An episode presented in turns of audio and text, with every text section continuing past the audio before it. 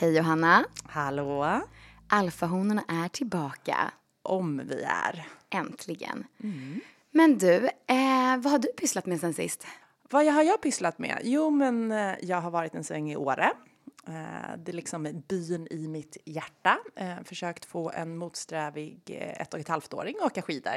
Men så mysigt. Ja, det var mysigt. Hon ville he helst hänga med Valle, Skistars eh, maskot där uppe. Men jag tänker att om hon liksom gillar att vara där, gillar att hänga med Valle, Lalle, då, då kanske hon någon gång eh, börjar gilla skidor också. Men eh, det gick bättre och bättre. Sen, eh, vad har jag gjort mer? Hunnit stöka av andra vändan, vinterkräksjukan. Mysigt. Beach 2023. Ja, på ett jävligt oskönt sätt. Det hade kanske varit bättre att bara skaffa det där satskortet. Alla vissa- har vi våra ways. ja, precis. Jag brukar i och för sig bara sponsra Sats när jag väl har ett kort. Eh, så att, ehm, jag vet inte. Det är också fint. Så att nu, nu har jag provat en ny metod, Mycket bra. vinterkräksjukan. Sen hörde jag, usch, det här blir så äckligt. Det här blir som en äckelpodd.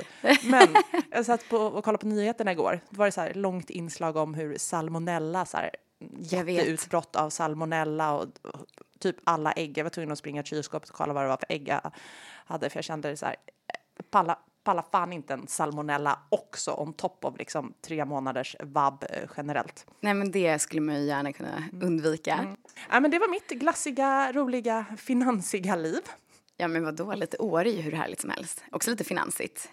Otroligt finansigt. Jag tror att eh, vecka nio, alltså nästa vecka nu, ja, då är det väl, då flyttar väl typ hela Finans eh, Stockholm upp till Åre. Men då, då kommer jag hänga här i Stockholm.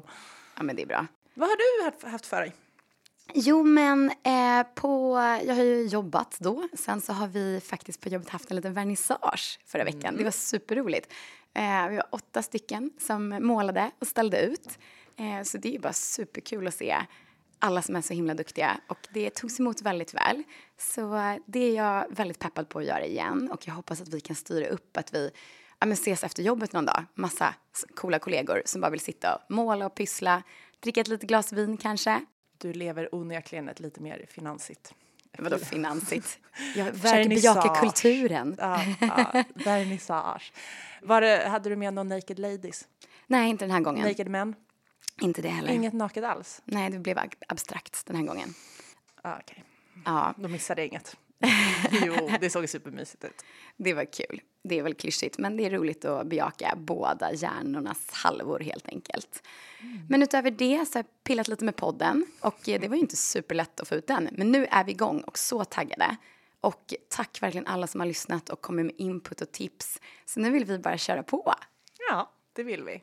Efter att vi liksom har slickat såret lite från att ha känt oss otroligt, förlåt mig, dumma i huvudet. med själva tekniken. Ja, med tekniken. Jag vet Men inte. Nu är vi igång och nu kör vi på. Och hoppas som sagt vi kan inspirera så många där ute och komma igång med sitt sparande.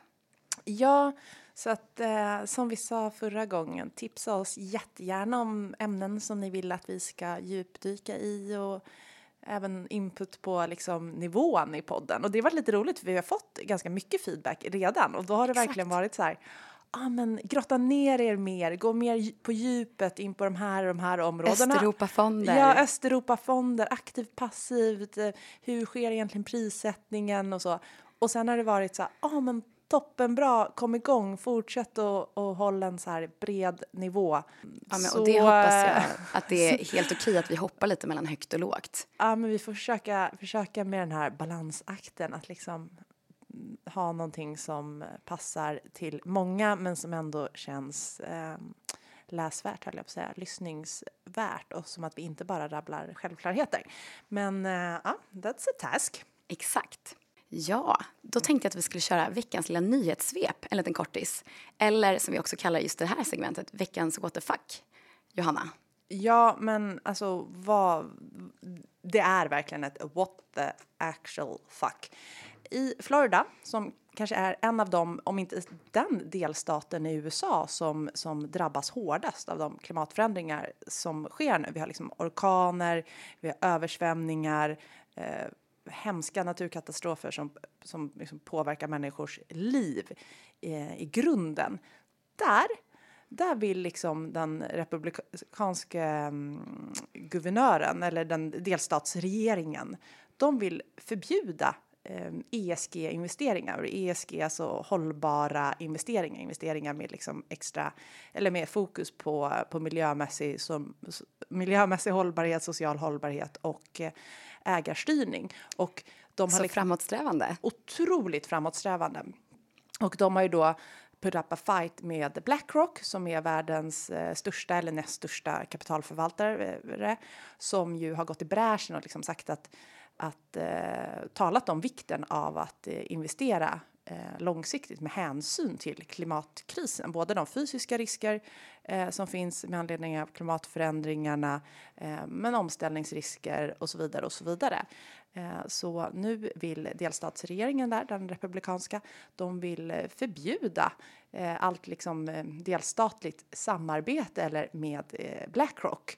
Jag menar, delstaten har ju pengar att förvalta och så vidare och har ju onekligen... Ehm, alltså man förstår ju inte ens varför. Nej, men, helt otroligt. Men, nej, men det är helt sjukt. Men det är då alltså guvernören där, Ron DeSantis, som leder liksom en kampanj mot eh, klimatvänliga investeringar och eh, all form av ja, etiska fonder eller vad man nu, vad man nu vill eh, kalla det. Och så har han också genomfört en lag som förbjuder Floridas storstäder att eh, göra en omställning till 100% förnybar energi.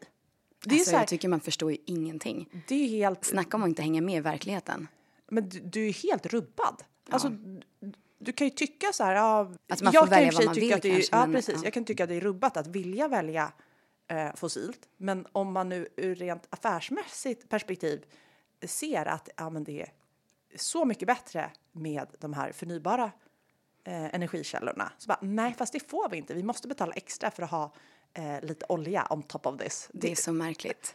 Men för det som du jobbar med, mycket med hållbarhet och det som jag ser med fonder, eh, de som är väldigt hållbara, där ska man försöka undvika såna här risker för att man tror ju på lång sikt att ja, men till exempel oljebolag och gasbolag och så vidare kan drabbas av annan beskattning och så just för att de förstör miljön. Mm. Så rent affärsmässigt så är det också puckat.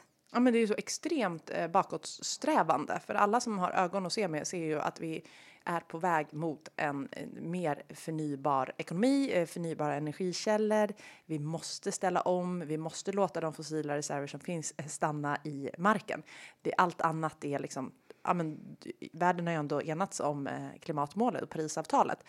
Um, och då blir det så sjukt att tro att de här bolagen som har alla de här assetsen som måste bli kvar i marken. Att det är framtiden på något sätt. Det är ju det är helt rubbat. Det är som EU så kommer man ju förbjuda nyförsäljningen av eh, diesel och bensinbilar från och med 2035.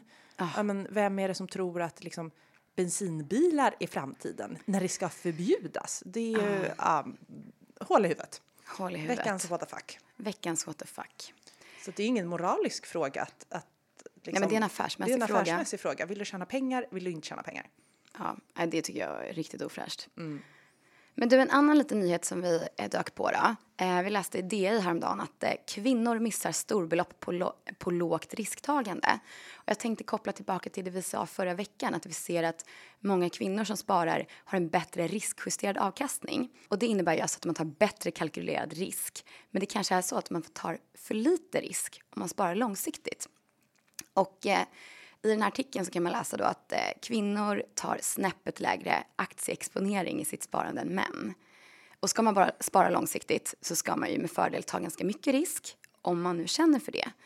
Enskilda år, som vi också nämnde förra veckan, kan ju verkligen sticka ut. Men drar man ut över en lång period så har det ju visat sig att en stor aktieexponering gör att man får en bättre avkastning. Och så ränta på ränta på det. Men om man då tittar tillbaka till exempel på förra året så kanske det inte var så himla dumt att vara, ha lite lägre risk i sitt sparande när allting dippade så. Men jag tror det är bra att vara medveten om, helt enkelt. Så om det är nu så att vi ser att många kvinnor investerar kanske mer mot blandfonder, det betyder då alltså att det är en fond som har både räntor och aktier i sig, eller kanske rena räntefonder. Så tänkte jag också att vi senare idag kanske kan snacka lite mer om just räntefonder och vad det är för någonting. Räntor känns ju onekligen på, på tapeten Verkligen. Det är boräntor, det är Riksbanks styrränta, det är räntefonder. Ränta på konto nu för tiden. Ränta på konton. Oh, ränta på bolånet. Ja, den, den är vi smärtsamt medvetna om. Ja, oh, herregud. Uh, herregud, usch. Ja. Let's uh, move on. ja, men du, en snabb liten recap på bara vad vi pratade om sist och det här med att komma igång för de som kanske inte lyssnar eller inte kom ihåg. Mm. Hur sätter man igång ett sparande, Johanna? Ja, men se till att ha ett ISK eller ett eh, ja, investeringssparkonto som det också heter.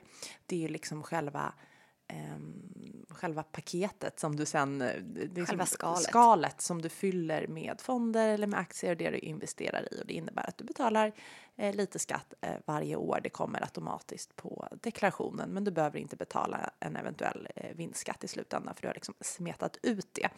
Nu ser vi ju här um, senaste veckorna, jag såg att SEB nu eh, höjde räntorna också, att fler och fler banker, de senaste månaderna har vi sett att fler och fler banker har infört eh, ränta på ISK.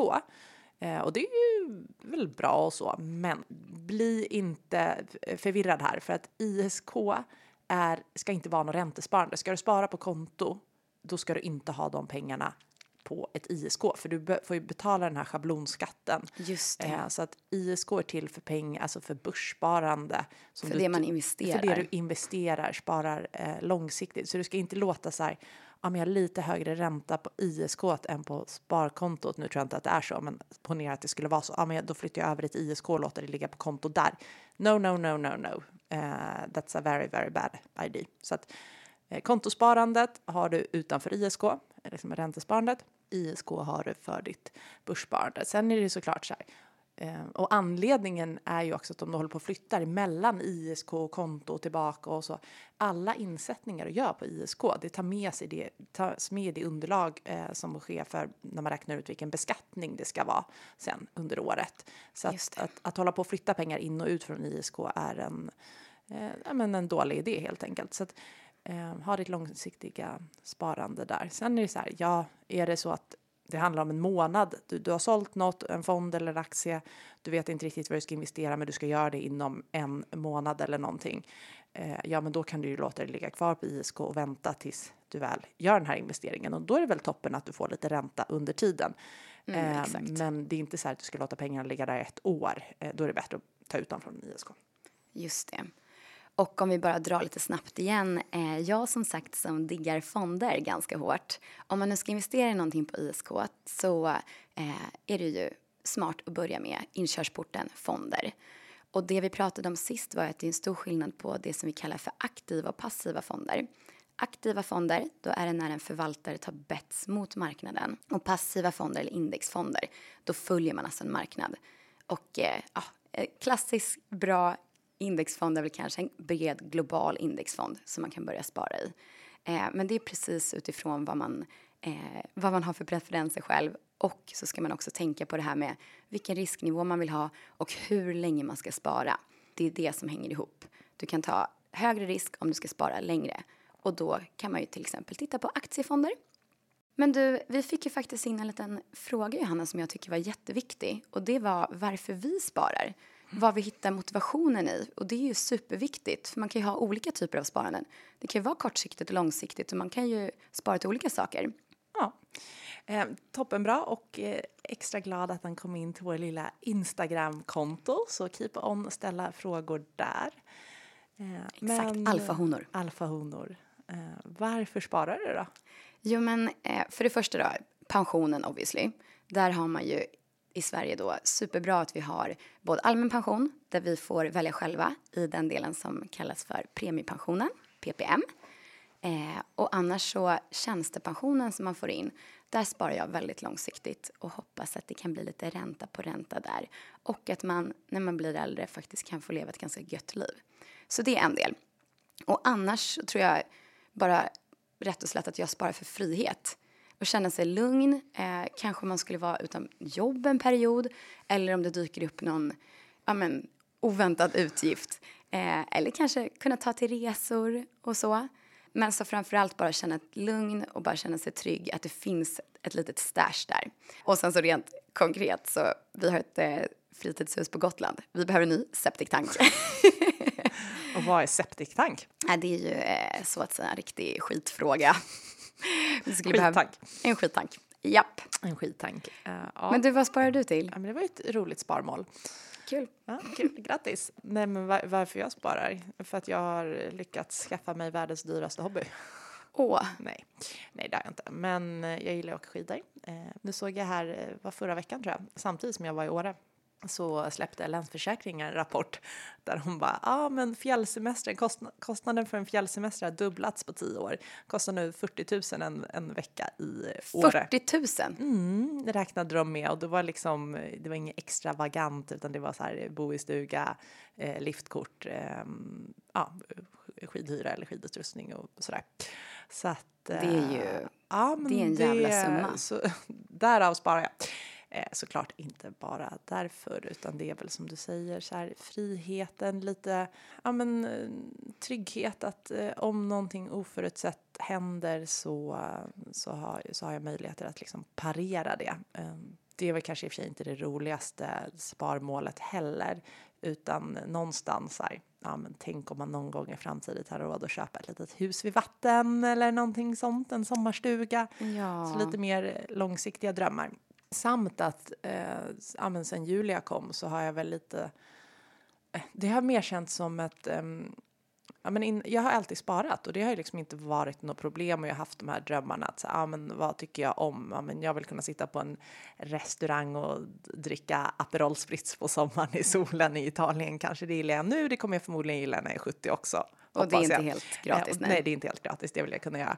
Men sen Julia kom så har det ju blivit lite mer så här nästan, ja men, jag ska inte säga krav, för det låter ju väldigt negativt, men mer en så här lite ansvarskänsla också. Att ja, men jag, förstås. Ja, men jag måste så här, jag måste ha en, ett ordentligt sparkapital, eller måste, det måste man ju inte, men för att kunna hjälpa henne i framtiden eller om ja. det skulle hända någonting som gör att jag inte kan jobba på samma sätt eller lite, alltså mer trygghetskänslan tror jag än vad jag hade innan, för innan var det så här, ja men jag kan alltid jobba och vad behöver jag, alltså jag har inga fasta utgifter och sådär, men när den där lilla saken kom så kom ju också lite fler så här, eh, fasta utgifter som jag faktiskt inte kan parera undan går inte att hoppa direkt, nej. Nej, bara för att jag kan typ jobba 24-7 och äta havregrynsgröt så skulle jag inte kunna göra det. Liksom, eller jag kan ju inte kräva att hon ska göra det. Det vore ju lite awkward. Hon gillar och för sig att stoppa allt i munnen. Ja, hon gillar att stoppa allt i munnen, men hon är, hon är en dålig arbetare så jag vet inte. En dålig. Bidrar inte med så mycket inkomst. Nej. Lite barnbidrag i och för sig. Ja. Men du, det kanske vi skulle kunna prata om också någon gång i framtiden. Lite barnspar. Mm. Det är ju superbra. Men du, om vi ska titta lite framåt här då, Johanna. Vad tror vi om liksom börsen och investeringar och bara sparande generellt här 2023? Ja men alltså vi hade ju, vi, vi hade ju verkligen en rivstart eh, på börsen här. Ehm, sen senaste veckan har det liksom svalnat av lite. Vi hade någon riktigt dålig dag på amerikanska marknaden. Även Stockholmsbörsen gick ner fyra, fem dagar i rad här och det varit lite sådär. Ehm, men man ska inte utvärdera någonting eh, på en vecka. Men det, det som har skett eh, är väl liksom att vi har ju en otroligt hög inflation. Nu fick vi in en inflationssiffra här häromdagen eh, som visar på att inflationen inte alls går åt det hållet eh, som Riksbanken vill utan infl ja, inflationen eh, om man räknar bort eh, energi och eh, räntor så den så kallade kärninflationen Eh, den steg faktiskt på månadsbasis från december till januari, vilket är väldigt ovanligt för att januari brukar annars vara en månad där ni vet, butiker och så rear ut och, och det är stora realisationer så att inflationen ska inte stiga på månadsbasis december, januari. Eh, nu gjorde den det, vilket ju säger någonting om trycket här. Eh, och vi fick ju också en till dubbelhöjning av Riksbanken. Eh, så att nu har vi ju en styrränta på, på härliga 3 procent. Liksom, från ju... 0 till 3 procent på ett år. Det är, en, det, det är stor skillnad. Ja, och som sagt, eh, i, i liksom hela mitt vuxna liv så har det inte varit på den nivån. Men och det där är ju supersvårt. Det måste ju finnas en balans och eh, Riksbanken, det här är ju deras enda verktyg egentligen. Men så, så kan man ju känna lite så här, men Chilla Vanilla. Vi har ju en ny sheriff in town, Erik Thedéen, som är ny riksbankschef som tidigare jobbade på FI, som vi i vårt arbetsliv haft mycket med att göra såklart. Mm. Eh, men Det var han som myntade begreppet skuldkvotstak som blev ett nyord 2015. Och det handlar om att här i Sverige så har vi ju en ganska hög skuldsättning per person. Vi har mycket bolån och vi har rörliga räntor. Så alla som bor i Sverige blir ju påverkade på en helt annan nivå av en höjd ränta än vad man blir i kanske andra länder ute i Europa. Eh, så jag förstår att de måste få ner inflationen, men det är ju väldigt, väldigt påtagligt för alla mm. som bor i det här landet. Ja, det är ju det är det onekligen. Än så länge är ju konsumtionen oväntat eh, stark och det känner mig lite så här. Jag kände när jag var i Åre, jag bara här är det fullt i backarna. Man går ut och ska ja. käka lunch här i stan. Nu har ju du och jag lite havregrynsgrötsluncher, men i övrigt så är det ju fortfarande. Det känns som att det fortfarande är bra tryck och det verkar vara det i siffrorna också så att men någon gång tror ju jag att eh, konsumtionen kommer vika ganska betänkligt. Ja, um, men jag måste bara, igår, jag märkte det på tal om det här med att det är skillnad på energipriser och matpriser som har gått upp. Skulle bjuda på en liten pasta till våra grannar och skulle köpa tomater. Och så gick jag in och såg, du vet sånt där avlångt typ tråg med eh, körsbärstomater på kvist. Och så stod det så här, extrapris, två för 99. Bara, ursäkta? Och det var liksom de här billigaste små tomatboxarna som man brukar kunna få med kanske inte så smakfulla tomater. Alltså två för 60. Ja men det alltså. Det, det märks. Det sa ju också Thedéen i sitt eh, tal här, han höll ju sitt första tal. Då så uppmanade han ju svenskarna att vara lite, alltså att vara prismedvetna och inte acceptera de högsta priserna och lite så här, jag säger inte pruta, men att liksom eh, jämföra och eh, ja. Det är väl kanske det man får göra. Det är ju, här där vi bor, det kanske inte är helt toppen att gå in och handla all sin mat i en liten så här, eh, innerstadsbutik på hörnet. Nej, det, det, är väl inte det. Men, men det var lite roligt. Nu känns det verkligen som att Riksbanken försöker allt för att få ner inflationen. De pratar upp räntehöjningsförväntningarna. De flesta tror att det kommer komma en dubbelhöjning, det vill säga 50 punkter eller en halv procentenhet även här vid nästa besked i april. Vi kommer få två inflationsbesked innan det, så att eh, det kommer ju komma mer data så att säga innan de tar det beslutet. Men de pratar upp det. de, de har en prognos om fler räntehöjningar, de pratar om det allvarliga läget. De lägger på oss eh, konsumenter att så här, vara medvetna, pressa priserna och så.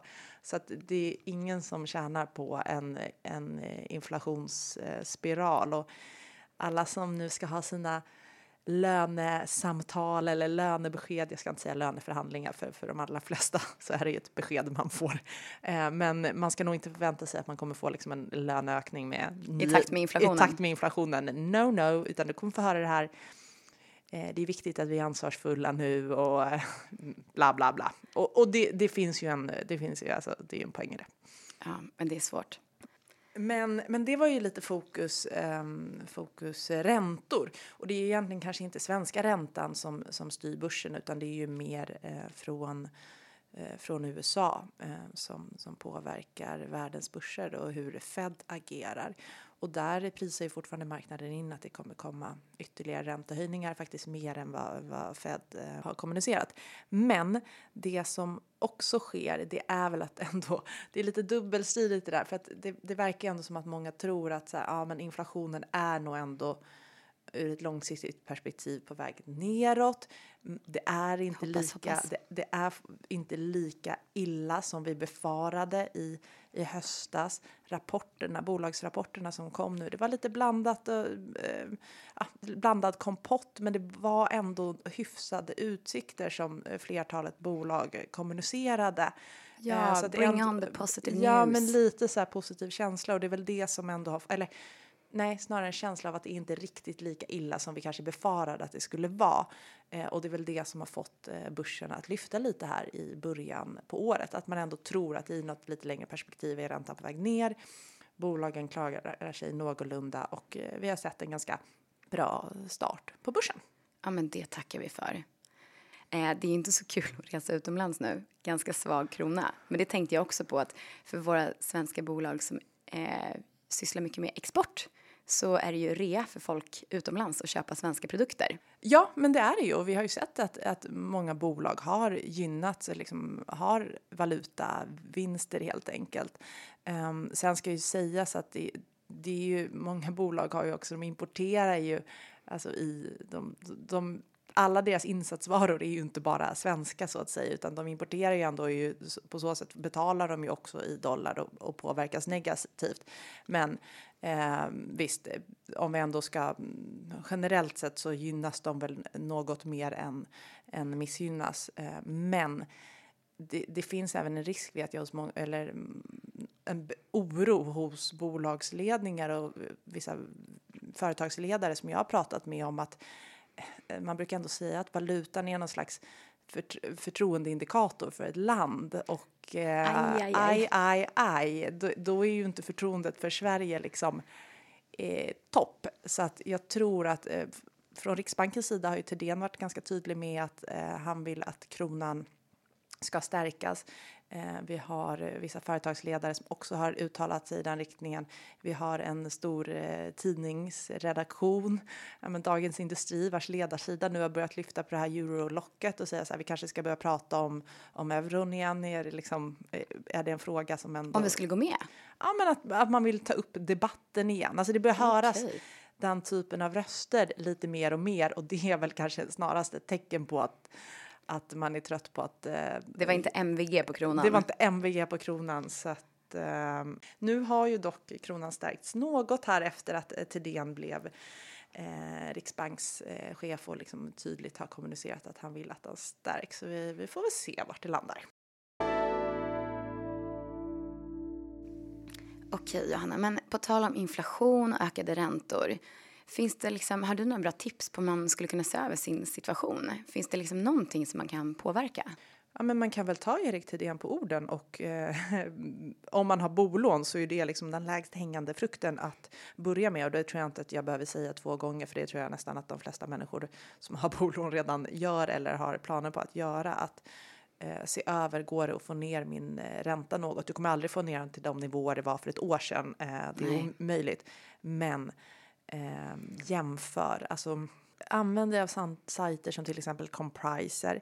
Eh, jämför vad snitträntorna eh, ligger på där hos olika aktörer. Dock ska sägas att just nu när det sker så mycket ränteändringar eh, så finns det en viss eh, lagg där för att även rörlig ränta har ju, har, den där förändras ju räntan, den justeras var tredje månad i, i normalfallet ah. hos de flesta med rörlig. Eh, och då blir det ju att det blir en viss, eh, en viss lagg där. Men annars kan man gå in och kolla vad, vad snitträntorna är på de här compriser till exempel. De ska uppdateras senast femte vardagen varje månad. Då kan man få en, en, en översiktlig eh, bild av hur ligger min ränta till eh, kontra vad andra banker uh, erbjuder kontra vad min bank har erbjudit uh, nya kunder den, den senaste månaden. Och sen uh, liksom latmasktrixet. Uh, när man ska byta bank eller byta bank för, för sitt bolån, då behöver man ett amorteringsunderlag och ge till nya banken. Just det. Och det här amorteringsunderlaget Eh, ibland hos vissa aktörer kan man ladda ner det. Man går in på mina sidor och och får ut det digitalt. Hos vissa aktörer måste man ju skriva liksom ett eh, meddelande, inloggat läge eller ringa eller så för att få det här amorteringsunderlaget. Eh, och anledningen är att då vet ju din bank att oj, ja, men Johanna eller Linnea, Hon kanske är på väg. Ja, Linnea är på väg. Hon har bett om ett amorteringsunderlag.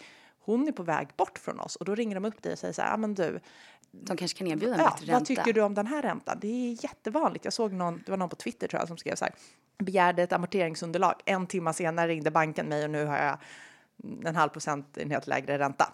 Men så, så, så här, ja. Du kanske inte ens orkar. Jag, bara, jag har ingen lust att byta, jag vill inte. Du vill bara få din nuvarande bank att uh, wakey pakey, time for school. Uh, så ta ut det amorteringsunderlaget och se så kanske du...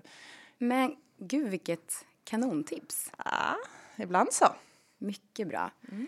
Eh, men på tal om bolån och räntor då. Eh, vi har ju sen i slutet på förra året sett en liten ökad riskaptit och flöde in i aktiefonder och det känns ju superpositivt. Eh, men vi har också sista månaden sett lite smått ökade flöden in i just räntefonder som vi, vi pratade ju om det tidigare här idag. Och just räntefonder är en hel djungel och jag har jobbat med fonder i nio år och jag kan säga att jag förstår alltså nästan jack shit. Det är så svårt. Men jag tänkte att vi kanske skulle ändå försöka göra en liten djupdykning i det Och eh, som sagt då, när räntan går upp så kanske man direkt tänker att det är lite bättre läge att investera i räntor. Och det är ju kanske inte hela sanningen. Det är ju lite beroende på kommande räntehöjningar och exakt vilka räntefonder man investerar i eller andra räntebärande papper som vi säger. Men har vi ett revival för räntefonder eller inte? Och eh, kort sagt så kan man säga att man delar upp räntefonder i långa räntefonder och korta räntefonder. Och eh, de investerar i statsobligationer som ges ut av staten. Det är alltså en ganska stabil eh, långivare. Det ska väl mycket till förhoppningsvis, ska man säga, innan eh, staten går i konken. Men korträntefonder då? De, har, eh, de investerar i obligationer som har en löptid på under ett år. Så de påverkas ganska lite av förändringar när reporäntan ändras. Långräntefonder däremot, de har löptid på över ett år. Och de köper då underliggande obligationer där man vet vad man får för ränta på de här perioderna. Om styrräntan då går upp under den här perioden då får man ju mer ränta redan på konto. Och det gör att de här underliggande obligationerna som den här långa räntefonden investerar i relativt sett blir mindre värdefulla och räntefonden kommer alltså tappa i värde generellt sett. Så långa räntefonder, som det hörs på namnet, ska man investera i på lite längre sikt. Och egentligen så ska man ju också då fundera på vad tror vi här? Kommer räntan att gå upp? Och ja, just nu så kanske vi tror att den kommer göra det lite till. Så det var långa och korta räntefonder. Sen så finns det, man brukar lite slarvigt säga att företagsobligationsfonder också är räntefonder. Det är de, de investerar i obligationer, men de investerar i obligationer som ges ut av företag. Så du är alltså ändå exponerad mot aktiemarknaden kan man säga. Och eh, då är det som sagt lån till företag som den här fonden investerar i.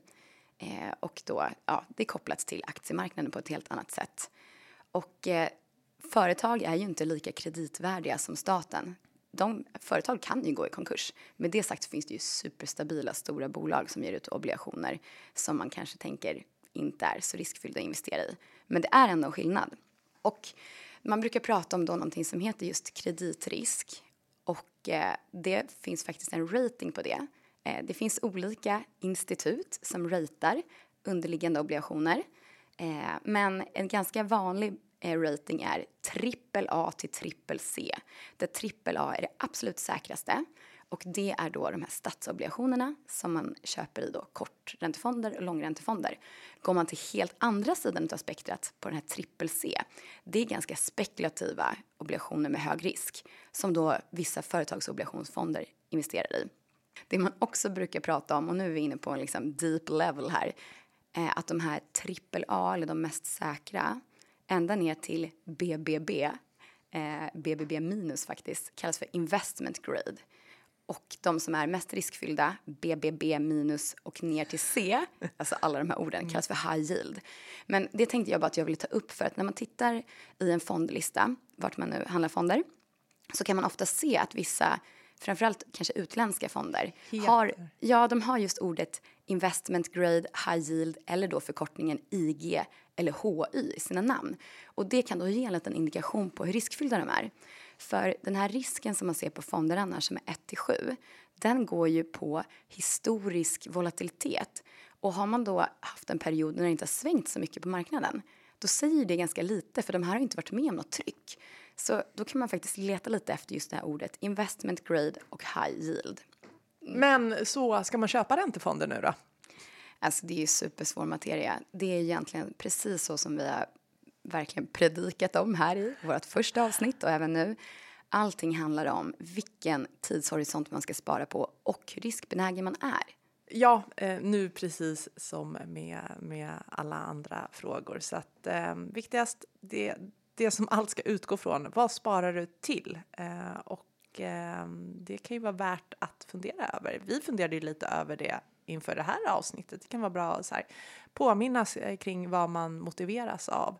Eh, och sen utifrån det, eh, beroende på långsiktigheten i det här, motiveras du av en resa till sommaren eller ett eh, hus med röda knu, vita knutar om fem, tio år. Tio, ja, det är bra. Om börsen går upp kanske blir om tio år, annars om 30. Exakt. ja, nej, men då, då, ska du ju lägga upp ditt sparande på helt olika sätt. Så att någonstans här, det låter enkelt, men du måste ju utgå från, um, från din horisont. Exakt, och din riskpreferens som det så mm. härligt heter. Men alltså heja er alla där ute och nu kör vi. Och vi blir som sagt jätteglada om ni vill följa oss på alfahonor på Insta och kom med input och frågor som vi kan ta upp i podden. Och eh, ja, vi hoppas som sagt att ni vill hänga med på våran poddresa. På Alfahonors poddresa, eller Alf- Alfahonors resa generellt. Exakt. Ha det gott så hörs vi igen nästa vecka. Ja, ha det bra. Tack Johanna.